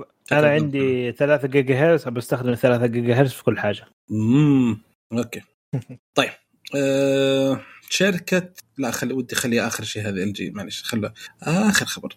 آه صندوق الاستثمارات السعودية حقق ارباح 20 مليار دولار مع بداية تداول أسهم لوسيد شركه مم. السيارات الكهربائية ف- فشكله كان يعني شيء حلو مرة. هذا خط حلو أوكي آه في السعودية بدل إحنا تكلمنا عن السعودية آه أعلنت الملكية الفكرية أعلنت إن إذا نسخت تغريدة بدون موافقة صاحبها هذا يعتبر سرقه موجبة للمسائل القانونية، إذا نسخت تغريدة واستخدمتها في تغريدة بدون ما تعدل عليها بدون ما تسوي أي شيء يعني مو آه، رد على تغريدته أو اقتباس تغريدة لا. تنسخها copy paste وتحطها باسمك وتنشر. فيقول هذه مساله ت- تقدر تعرض نفسها للمسائل القانونية. ليش؟ إلا صح. أنت الحين أنا تكلمت جملة قلتها جملة. تيجي أنت تاخذها وتعلنها مرة ثانية؟ يعني لو قلت أنا صحيت. لا مو زي كذا. لما انت تتكلم أنت تقول أنا في حياتي مثلا اكتشفت إن في شخص كذا كذا كذا كذا. يجي واحد ينسخها زي ما هي copy paste يحطها يقول أنا اكتشفت إني خبر زي كذا. فهذا يعتبر ملكيه فكرية. لما أنت بالذات تقول اللي يكتب لأنه في ناس يقول يألف. فكرية. لا في ناس إيه أنا كاتب. أنا كتبت شيء. هي كلا- بس ما حد يستفيد منها monetary فإذا ليش الحماية الفكرية في الموضوع؟ هي لأن لا لا. عدد متابعينك يمكن عشان الكلام اللي تكتبه. مو ضروري الفلوس. عدد متابعين وعدد متابعين يجيب بدخل فهذا كل شيء ثاني. لا ما هذا الدينجرس اريا إن بنحاول آه، إن نخشها لأنه هذه ما هي موجودة حتى برا. إلا؟ لا ما هي موجودة برا. كتويتة مم. تحطها تعمل نسخ لصق ما ما هي ما فيها شيء. هذه فيها. حرية, حرية الرأي. عادي إنك هذا رأي هذا كلام. أنت حطيته في بابليك setting ما تنحسب ملكيه فكريه أخذت الكلام اللي واحد كاتبه في تويتات وحطيته في كتاب. وجمعت إنه تويتات آه، المشاهير وجيت تبيع الكتاب ديك الساعة هذه ملكية فكرية. okay؟ بس إنك copy paste وفي نفس ال public setting ترجع تحط الكلام نفسه ما فيها شيء. This dangerous. بدنا نشوف عاد. ما أدري. okay. آه في مبيعات الأجهزة في العالم الشهر الربع الماضي كانت سامسونج ما زالت رقم واحد في عدد المبيعات. في الربع الثاني من عام 2021 ولكن آه سامسونج وصلت نسبتها 19% طلعت نزلت. هي رقم واحد الآن. نزلت نسبتها ولكن هي رقم واحد صارت 19% آه الرقم الثاني أكثر مبيعا صارت شركة شاومي. أوه. زادت نعم. آه فزادت من الأندرويد بس 19 تتكلم. لا عدد مبيعات الجوالات في العالم في الربع بشكل عام. الثاني. آه كله أوكي. سامسونج المركز الأول 19% كانت الفترة اللي قبلها واصلة إلى 23% الحين نزلت إلى 19% آه، الشركة الثانية اللي هي شاومي صارت 15% وهذا زيادة آه، 17% شاومي. أوه قريبة مرة. أيوه. مهم. وأبل زادت نسبتها إلى 14% من المبيعات في زادت. كانت كم آه، قبل كانت كده؟ 13 صارت واحد 14 okay. okay. شاومي كانت آه، كانت 12 وصارت 17 سامسونج كانت 23 وصارت إلى 19 يعني سامسونج خسرت أغلب ال market لأبل وشاومي. شاومي بالضبط. وشاومي في في روسيا كانت رقم واحد. اوه وكندا اي رقم واحد.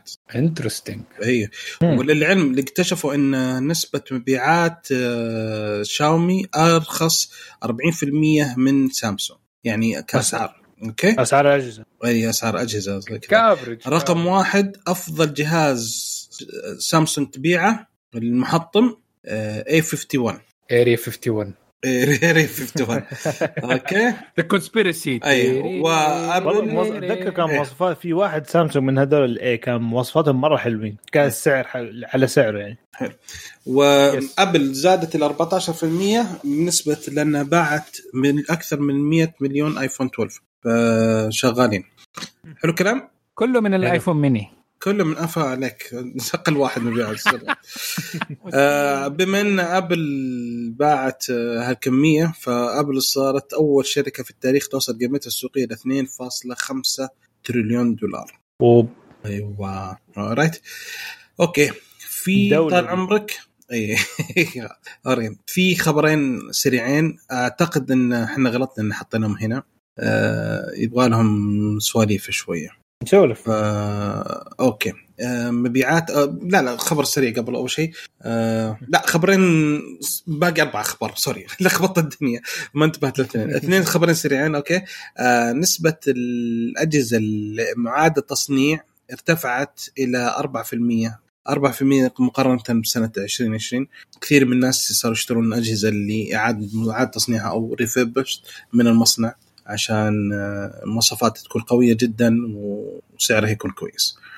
آم، شركة LG أطلقت شاشتها الجديدة القابل للطي اللي كان تو صندوق ويطلع الشاشة.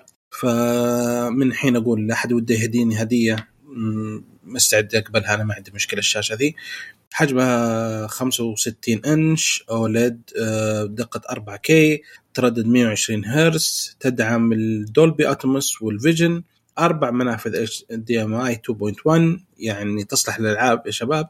اثنين منفذين أو منفذين USB صوت 100 واط تدعم FreeSync وال VRR معدل التأخير 1 مل- micro sec... آه، شو اسمه millisecond millis آه أيوه 1 millisecond second. هذه تصريحات خطيرة هذه. أي أي فالمهم وسعرها مرة حلو. أه بس 100000 دولار بس. اقتصادي جدا. جدا. هذه اللي آه. تنطبق ب... كيف يجي شكلها هذه؟ هذه هي تنطبق و- صندوق تطلع- بالأرض صندوق أيوه. وتطلع من الصندوق كذا. هي تت- تاخذ لفة كانت لف سجادة. تطلع كذا توقف. أيوة. بعدين تنزلها تدخل جوا الصندوق. الصندوق هو sound bar وكل شيء. حلو الكلام؟ فكرة حلوة والله. هو تنفع في البيوت ال- اللي تستاهلها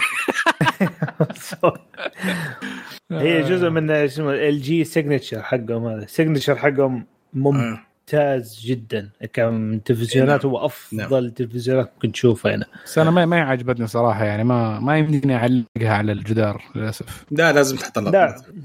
ما يحتاج. طيب. هذه آه كنت ناوي. كنت ناوي أشتريها بس للأسف ما عندي مكان في الأرض فما حاط طيب، يعني. حلو. لا. طيب أوكي. آه بالنسبة في إيه، تفضل. لا أنا افتكرت إنه في في عندهم LG في عندهم النحيف هذاك. بس إيه. ما, يتعلق ما فعليا ما يتعلق في اي في أي جدار اللي تلصق اي إيه، بلصق. تلصق إيه. تلصق شيء غير طبيعي. بس والله يعني شوف يعني زي فكرة Apple لما نزلت ال iMac نحيف مرة. أنا ما أشوف الشاشة أنا ما أشوف الكاميرا أو التلفزيون انه فيه فائده إذا نحفته مرة صراحة يعني. في حد للنحف فيه أنا ما أبغى سميك زي أول بس مو يعني زيادة النحف ما حتفيدني أنا كثير. اي بشوف. أنت لأن أنا بلزق بحطه ورا ظهر الجدار ما أنا حاطه بالنص ولا حاطه أ- هي معمولة للناس اللي ما عند ما يحطوا التلفزيون في جدار يحطوه في نص الصالة مم. فيبان شكله كده سليك وأنيق. كأنه حافة سكينة عشان كده مم. يجملوا لك هو من ورا يا. أها يا ممكن آه رينج المسؤول عن كاميرات المراقبة أن أخيرا نزلوا آه تشفير من فيديو من المستخدمين كلهم عشان المشكلة اللي صارت السنة الماضية اللي ناس دخل أو قبل السنة الماضية اللي الناس دخلوا وصاروا يتكلمون مع الأطفال في غرفهم زي كذا. فالحين. صار فيها آه تشفير من طرفين. أوكي؟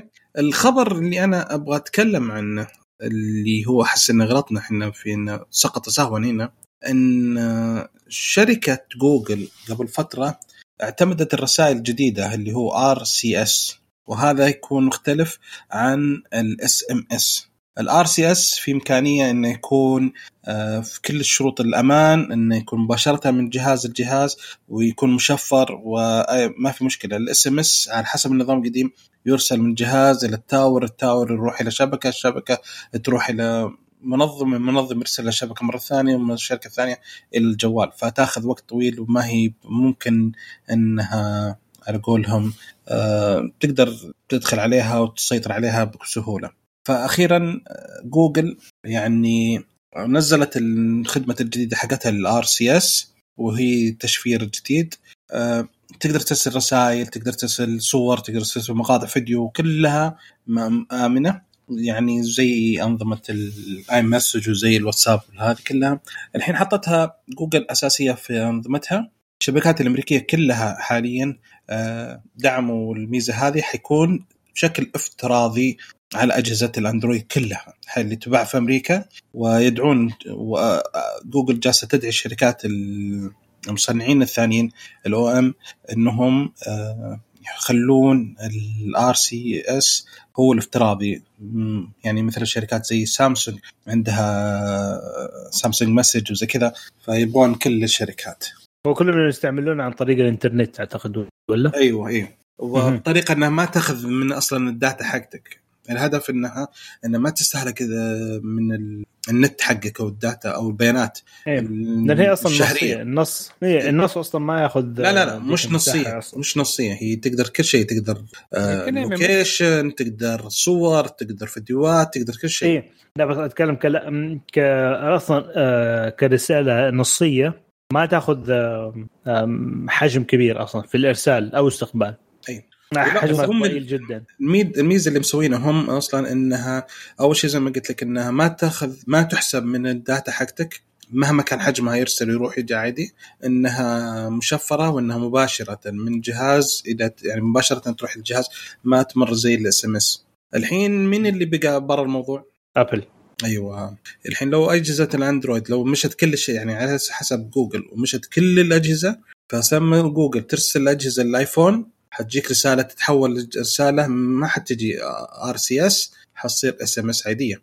أوكي. غير مشفرة غير آمنة ما تحمل صور ما ما, ما كل ال limitations أو آه، وش limitations آه حدود وموانع آه. الموانع الموجودة في ال SMS أو القدرات البسيطة الرسائل القصيره ال SMS. آه، جوجل نشرت أعلنت رسميا قالت أرسلت كذا إذا Apple ودك تهيئ حياك الله ترى إحنا حاطين كل شيء جاهز.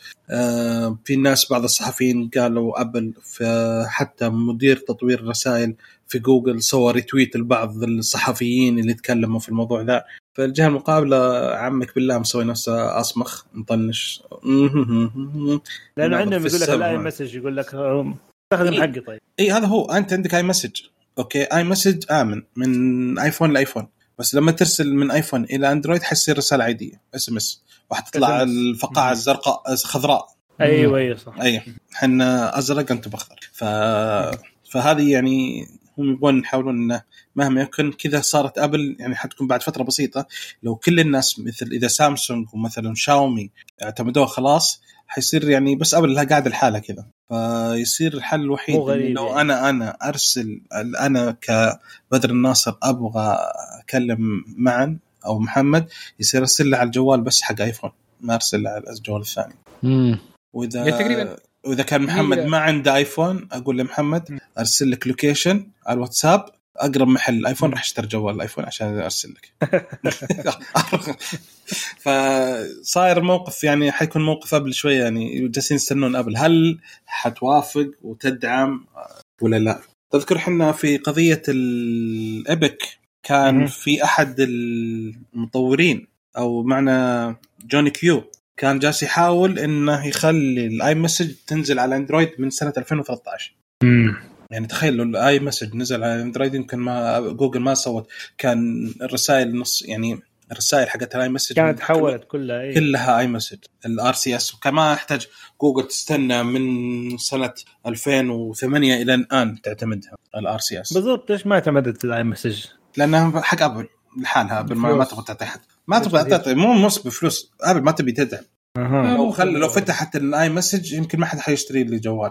هذه فكرتها. من قوة ال iMessage في. أمريكا من أيوة، قوة صح، اي صح. مسج في أمريكا إنه ممكن ناس كثيرة ما حتشتري أي- ايفون نقول خلاص الايفون أندرويد. عشان iMessage مم.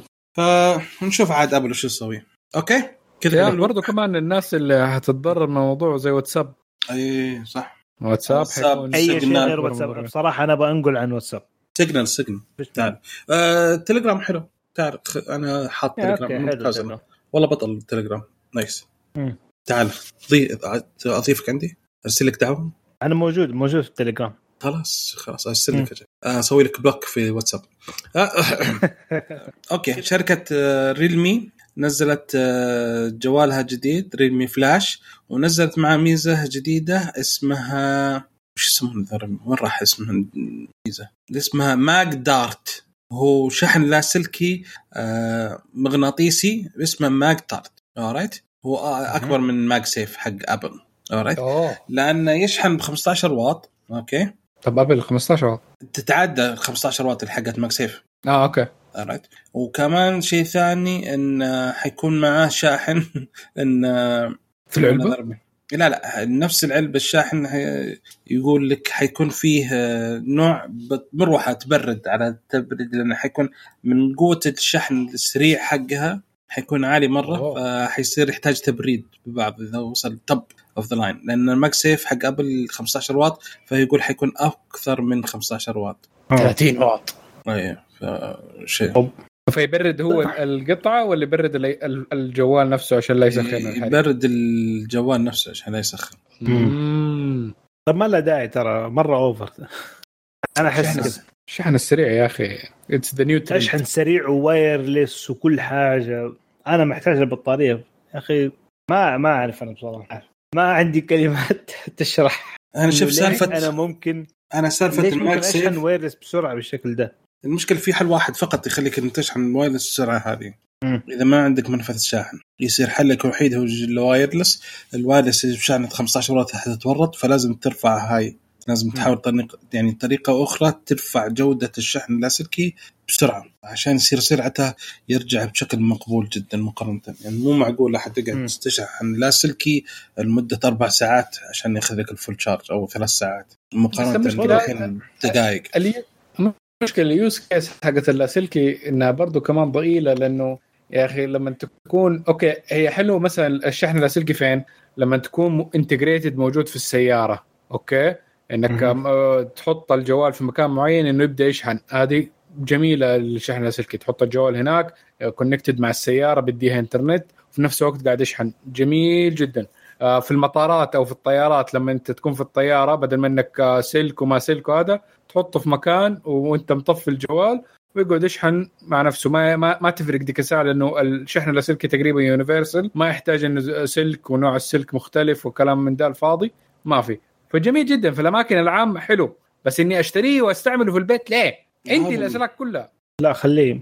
شوف هو إيش إيش أنا أنا بالنسبة لي إيش استفيد من ال wireless آه، من الشاحن اللاسلكي؟ أخلي واحد في في المكتب ولو في واحد في السيارة وواحد ثاني في البيت. خليه يشحن من هنا لهنا لهنا. الجوال ما. ينفصل عن الشاحن. لا بدون إيه، سلك الاسلاك أرخص. ما اختلفنا بس بطل السلك أرخص وما يحتاج لا MagSafe ولا ما أدري شكله خلاص. وحتى يعني في اسلاك في أسلاك MagSafe. في اللي هي أسلاك إنك تركب زي ال Type-C الجوال بس الراس حقه magnetic في النهاية. فهمت؟ السلك اللي يشبك فيه magnetic فيعتبر كأنه MagSafe زي ال- ال design حق Apple القديم. آه إيوه. أيوه القطعه اللي. تركب على ال- هذا على ال USB. بالضبط ال USB. حس ذاك أفضل كمان. بس مشكلة هذاك. لأنه؟ بارز. لو أنت حاط case ما حيصير بارز. كل مشاكلك تتحل بال case. الجزاء الشاشة تتكسر حط case. ما ما أدري شكله بارز حط case. الشاشة تتخدش حط case. كل شيء case. مهم. okay في خبر بعد أخير ما دام تو نزل. طازة. معلش خلي الناس هذا. آه نوكيا نزلت جوال جديد اسمه XR20 وهذا يعتبر أقوى ها- هاتف من نوكيا يتحمل كل شيء. آه، شاشة ضد الكسر اللي هو مستخدمين الشاشة الحالية من Gorilla Glass الجيل السابع اللي هو. Glass Victus right وضد الموية والخلاف اللي يدعم ال 5G وطريقة شو اسمه ال OZO الكاميرات فكل هذا طال عمرك بجوال يقول لك ما تحتاج تحط له حماية أو تشتري له غلاف حماية أو تلبسه خلاص. فيتحمل. كل شيء شكله والله جميل جدا شكله كأن. هواوي قديم كأن هواوي بي 20 لا وفي مميزات دحين جالسين نقول عنها مهم. تمام تو جالس اقرا يقول لك آه الآن يجي معاها الضمان ثلاث سنين. نعم. و آه ثلاث سنوات تحديثات أندرويد. ث- اي بالضبط لا، ثلاث سنين ضمان. وثلاث سنين آه من تحديثات أندرويد. نعم. زائدا أربع سنين من الأبديتات الأمنية. ممتاز صراحة. أوه. قوي. هذه بالضبط لأن أتذكر آه، أول ما بدأت كانت سنتين وخلاص مع السلامة. أم، جدا. الحجم الشاشة 6.6 مهم. إنش ال- نسبة العرض 20 إلى 9 resolution FHD+ okay. آه، في درجة حرارة 55 درجة مئوية ينفع عندنا في الحر أيوه ممتاز هذا. الشمس. أيوه كوارك بس المشكلة ال CPU Snapdragon 480 5G إي. آه، هذه مشكلة. 128 6 giga RAM. نفس. مواصفات ال X20 العادي بالضبط بس اللهم هذا ال 4630 ملي أمبير مم. آه كويس. حجم البطارية اي 18 واط fast charging 15 واط wireless charging Qi charging بعد Quick Charge 4 والله nice والله حلو حق مغامرات بس- تطلع بس هنا السؤال في البحر يعني- كل شيء لو مم. لو اخذت جوال ثاني ممكن مواصفاته أحسن ب 500 دولار إذا قلنا هذا سعره كم حيكون؟ 542 قالوا؟ 540 فلو أخذت واحد جوال ب 500 دولار و- وركبت له آه، شاشة حماية وكيس. نعم. ممكن- حق حرارة ممكن ما هي نفس الشيء بس إنه. آه، بس أغلب الأشياء حتكون آه، سوا. أوكي. ولا حتى حق حق الحرارة أنت فين رايح؟ جنب شو اسمه هذا بركان ثائر؟ 55 عمي، درجة بالسيارة يعني لو. سبته في السيارة يا مسلم. راح فيهم. انت- إيش بك؟ درجة الحرارة okay ممكن برا تكون 45 يا يا أرصاد بس السيارة عشان. قزاز وقزاز تصير greenhouse أيوه. okay. وتطبخ على درجة حرارة أعلى. انت وليش جوالك في الطبلون؟ إيه، ما- لا عادي أنا نسيت أنا نسيت ما ما ب- مرة بالدرج وجيت لقيته مطفي وأنا حاطه بالظل يعني بالس- بالسيارة بالظل. وجيت مطفي مطلع آه. لي temperature high دبر امورك temperature high اي حطيتها بال حاطة ماسكة سوق وحاطة قدام المكيف. وأنا اصبصب عرق. صارت معي في الآيفون. أنا عندي أستخدم الآيفون في برنامج في العمل عندنا. لما نخرج أصور آه، 360 درجة آه، لمواقع عندنا. آه، أيوه. في ال- فمهم إنه وأنا قاعد شغال فجأة الآيفون يطفي. أقول ال temperature too high يا مسلم. طب أنا قاعد أنحرق أنت ليش دخلك أنت؟ أنا حاطك آه، دخلني فيك جيبي وهذا. هو أهم منك. هو أهم منك. أنت مبسوط بالشمس؟ يقول لك أنا ماني مبسوط. أنا أنا ماني متعود عليك. دبر أمورك. فتخيل يعني. رجعوني زي زي زي ب قريت تغريده آه، مدينة في السويد يقولون الحمد لله صارت تغرب الشمس تغرب الساعة 11 ونص بالليل. امم أوه. 11 ونص بالليل 11 ونص تغرب صح. وتش... وتشرق الساعة 11 51 آه اي 51 لا. لا. كيف؟ الظهر؟ لا لا. تشرق بالليل. 11 لا. آه إنه أيوه أيوه, أيوة فهمتك فهمتك. أيوه طيب تغرب في الجزء الشمس الجزء الشمالي. تغرب الحين صار الحمد لله صارت تغرب فصارت تغرب لمدة 21 دقيقة. أيوه أيوه مهم. يعني تقدر تخيل واحد صايم يفطر 21 يفك ريقه ويتعشى ويمسك مره ثانية خلص ما وقت والله. okay. هذه ف- كيف تصل المغرب ولا إيش طيب؟ صليهم تصلي الأول. جمع قصر تصلي وبعدين تفطر وتتسحر بعدين تستنى شوية وتصلي الفجر. خلصنا. okay. آه. هذه ما تنعاش فيها. قريت حلو. بس أيوه لا تنسى لو جاهم رمضان في الشتاء. يصير. العكس. حيتو... حيصير يصوموا 20 دقيقة. ما ينتبهون إيه، أصلا دقيقة. ما ينتبهون انه صاموا صدق إيش؟ توني صايم المهم okay كذا خلصنا من الأخبار. ننتقل إلى فقرة التسريبات وأول خبر مع جوجل وحبيب الشعب معنا. في تسريب يقول إن Google Pixel Fold ماشي لساته على الخطة حقته وحينزل احتمال خلال السنة هذه نهاية السنة دي وحيكون آه الشاشة حقته بدل مو نفس الطريقة التكنولوجيا اللي موجودة مثلا في البيكسل آه بيكسل آه في ال Galaxy Fold اللي هي مم. الشاشة من جوا كأنها زي آه بلاستيك ولين ويمديك تضغط عليه يتعفط. فلا إنه حيكون ultra thin glass وسامسونج. احتمال برضو الجوالات الجاية حتكون عليها نفس التكنولوجيا بس ممكن جوجل تنزل أول الله أعلم. فهو نوز أتوقع أتوقع التقنيه هذه حق السامسونج أساسا نزلت على ال Fold 2 إيه ممكن. okay. لا Fold هلا. 2 نزل. اي هي نازلة على التقنية هذه على ال Fold 2 لا اللي- Ultra Thin Glass حتكون غير. هذه هي Fold 2 في Ultra Thin Glass no yes نروح بعد ال... بعد الحلقة نسجل. okay. نشوف المستمعين أنا ولا معا عطنا تسريبك يا محمد. آه تسريبنا اليوم عندنا على Mi Mix 4 امم شاومي. شاومي. yep. شاومي Mi Mix 4 Mi Mi Mi Mi. تمام آه آه شاومي يقول لك الحين الآن عندهم آه في شهر August شهر قادم. حينزلوا الجوال هذا. حيكون شاشته Full HD Plus 120 هرتز. معالج Snapdragon آم، ثلاث ثمانيات plus بطارية 5000 آم، ملي أمبير. شحن سريع 120 واط. أنا لابتوبي 120 واط. شحن لاسلكي 80 واط أو 70 واط. ويدعم طبعا 5G وأندرويد 12 مع الواجهة MIUI 13 حقتهم. آه حيكون طبعا إيش الفكرة؟ هنا هنا حلاوة. كاميرا سيلفي تحت الشاشة. آه. كنا بنتكلم عنها. سعره حيكون تقريبا 925 دولار. يا سلام. yes هذه الفكرة حقها طبعا أنا ما أنا س... أنا سايب كل الموضوع ده وجالس أطالع موضوع الشحن 120 واط أنا أشوف إنه كثير كان. يمكن. okay. okay. آه آخر تسريبة طال عمرك عندي عن تسريبات أبل. حطيت كم واحدة مع بعض. آه في خبر إن تقنية ال Face ID حتيجي على أجهزة الماك بين عام 2020 22 و 23 آه في خبر إن أبل حتنزل ال MacBook Pro بحجم 14 و 16 إنش خلال شهر سبتمبر ونوفمبر هذا العام. فاللي يبغى يشتري استنى شوية شباب استنى شوية لأن حتنزل أسعار الأجهزة الحالية فاستنى. إذا ما عجبك الجديد خذ القديم. وأهم خبر طال عمرك اللي يعني مستغربين فيه صراحة شيء غريب جدا بالنسبة لي إن أبل طلبت زيادة من طلبت من موردينها يزيدون إنتاج القطع الجوالات إلى 90 مليون هاتف. من سلسلة الآيفون 13 اللي حينزل بعد شهر شهر ونص تقريبا. هذه زيادة 20% زيادة. يعني بالعادة هي تطلب 75 مليون. بس الآيفون 12 باع منها أكثر من 100 مليون.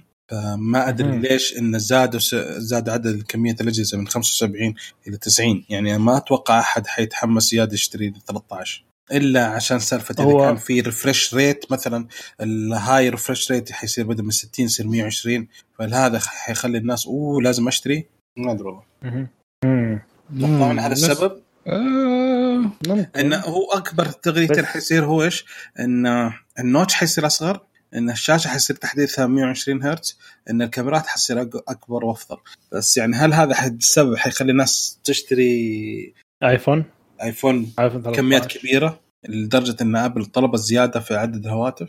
والله كمية ما هو الفرق الشاسع أصلا عن 2000 وعن آيفون 12 إي هذا المشكلة. أنت ميز. 2012 حيصير جاء high demand في السنة اللي بعدها حينزل لازم.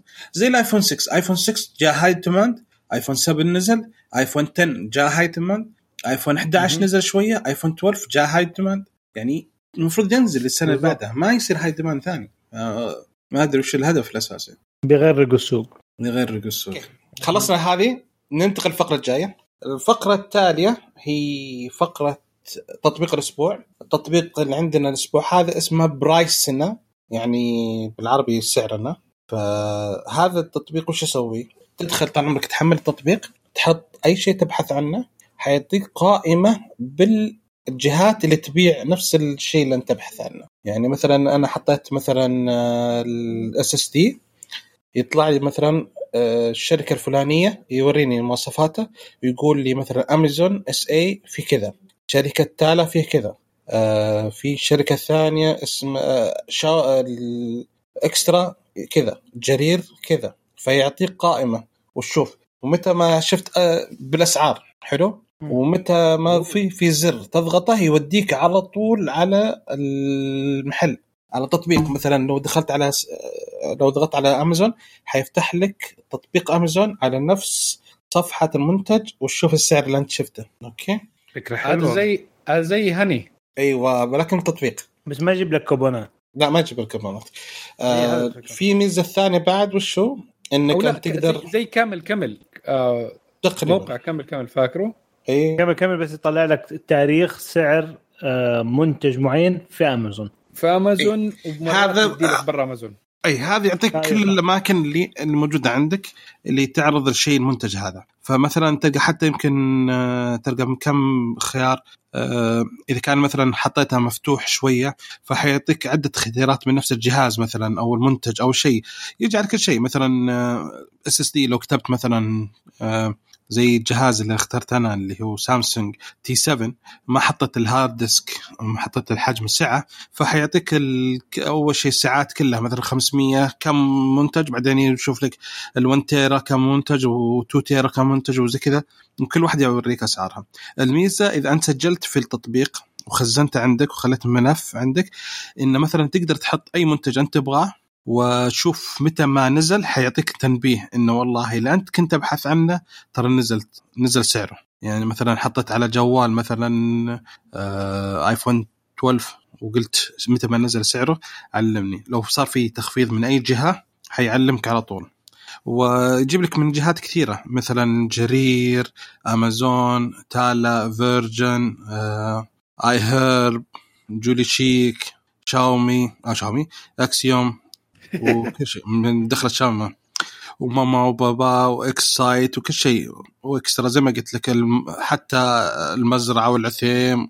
فكل المنتجات يعني مو بس منتجات تقنية تقدر مثلا ساعات تقدر مثلا حليب نيدو. حليب نيدو آه، أجهزة حلاقة مايكروويف غسالة ساعة كل شيء ممكن. حلو والله. إي آه فيتامينات والله توفير الراوتر وقت. عطور. فبدل ما إنك تجي أنت اللي قلت والله خلينا نشوف هو العطر الفلاني خلينا نشوف قال لك لا موجود هنا وهنا وهنا. ماكينة الحلاقة مثلا اللي أنت اخترتها لقيتها مثلا طلع لي في عرض على شو اسمه آه، موجود عرض 100 وك... لقيت واحدة 149 في متجر بعدين لقيت نفس العرض فيه 125 ولقيت عن طريق أمازون ولقيت مثلا في آه، يسمونه ذا ربي صيدلية النهدي مسوين عليه عرض.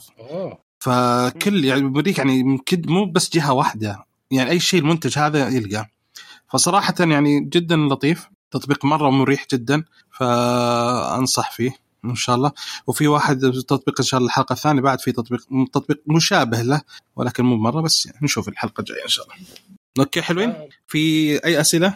جود عاد إن شاء الله بنزل في رابط الحلقة حيكون رابط لل iOS وال Android. وكمان عندهم موقع بحط بعد الموقع الرسمي حقهم. شوفوا. okay كذا خلصنا. فقرة تطبيق الأسبوع. ننتقل إلى. آخر فقرة وهي فقرة المؤتمرات. right أول آه، شيء رسميا مؤتمر هواوي الإعلان عن سلسلة هواتف الهواوي ال P 50 حيكون في يوم 29 يوليو نفس يوم نزول الحلقة. فعذرا. فأكيد حنتكلم عنها بس أنا أتوقع ان حماس الهواوي هالسنة السنتين هذه مرة خبط عندنا. ذيك السنة اتذكر سوينا تسجيل مباشر على الحلقة. مدري. حلقة لا. الهواوي. قبل سنتين. أول ما آه. صار المؤتمر كلمنا إحنا اجتمعنا وسوينا حلقة خاصة. صح. والحين لهم سنتين عفوا. إن رقم اتصالات غير موجود بالخدمه والله غصب يعني. أنا ما أنصح أي أحد يشتري أي جوال هواوي حاليا اطلاقا اطلاقا. في ليه؟ المقابل يا أخي ما في خدمات. لا يغرك. لا واللي يجيك اللي يقهرني ذيك اليوم واحد في جرير قلت له قلت له لا أنا غلطان. قال وكل قال ألقى كل قال كل تلقى في مجلس التطبيقات كل التطبيقات تلقاها. شوف شوف حتى أبشر موجود. آه يا أبوي لا تلعب علينا. أبشر ميزة يعني شيء خاص. مو كل التطبيقات سوت زي أبشر فلا تلعب علينا. في المقابل آه، شركة Honor حتعلن في مؤتمر لها يوم 12 August حتعلن أكيد حن أغلب ظن حتعلن ان Honor Magic 3 اللي حيكون معالج SSD 888 يعني وفي خدمة Honor خدمة جوجل. ف Honor الواحد okay ما عندي مشكلة إن واحد ينصح إنه يشتري Honor. okay؟ فمؤتمر حيكون في 12 August إن شاء الله. وآخر مؤتمر رسمي حيكون مؤتمر سامسونج في يوم أوه 11 August sorry. مؤتمر سامسونج قبل Honor مسكينة. ف قبل بيوم. إي بس تو ما أعلنوا سامسونج. آه، فأغلب الظن حيكون حيعلنوا عن Galaxy S Z Fold 3 ال Galaxy Z Flip 3 ال Galaxy Watch 4 وال Galaxy Buds 2 فحيكون Galaxy Watch 4 حتكون اللي هي آه، متعاونة فيها مع جوجل صح؟ إي إي إي. أيوه أيوة. اليوم نزلوا واجهة المستخدم للساعات. أوه. أوه، شوف التويتر حقي تلقى. حقهم؟ إي. شوف تويتر حقي تلقونه. okay.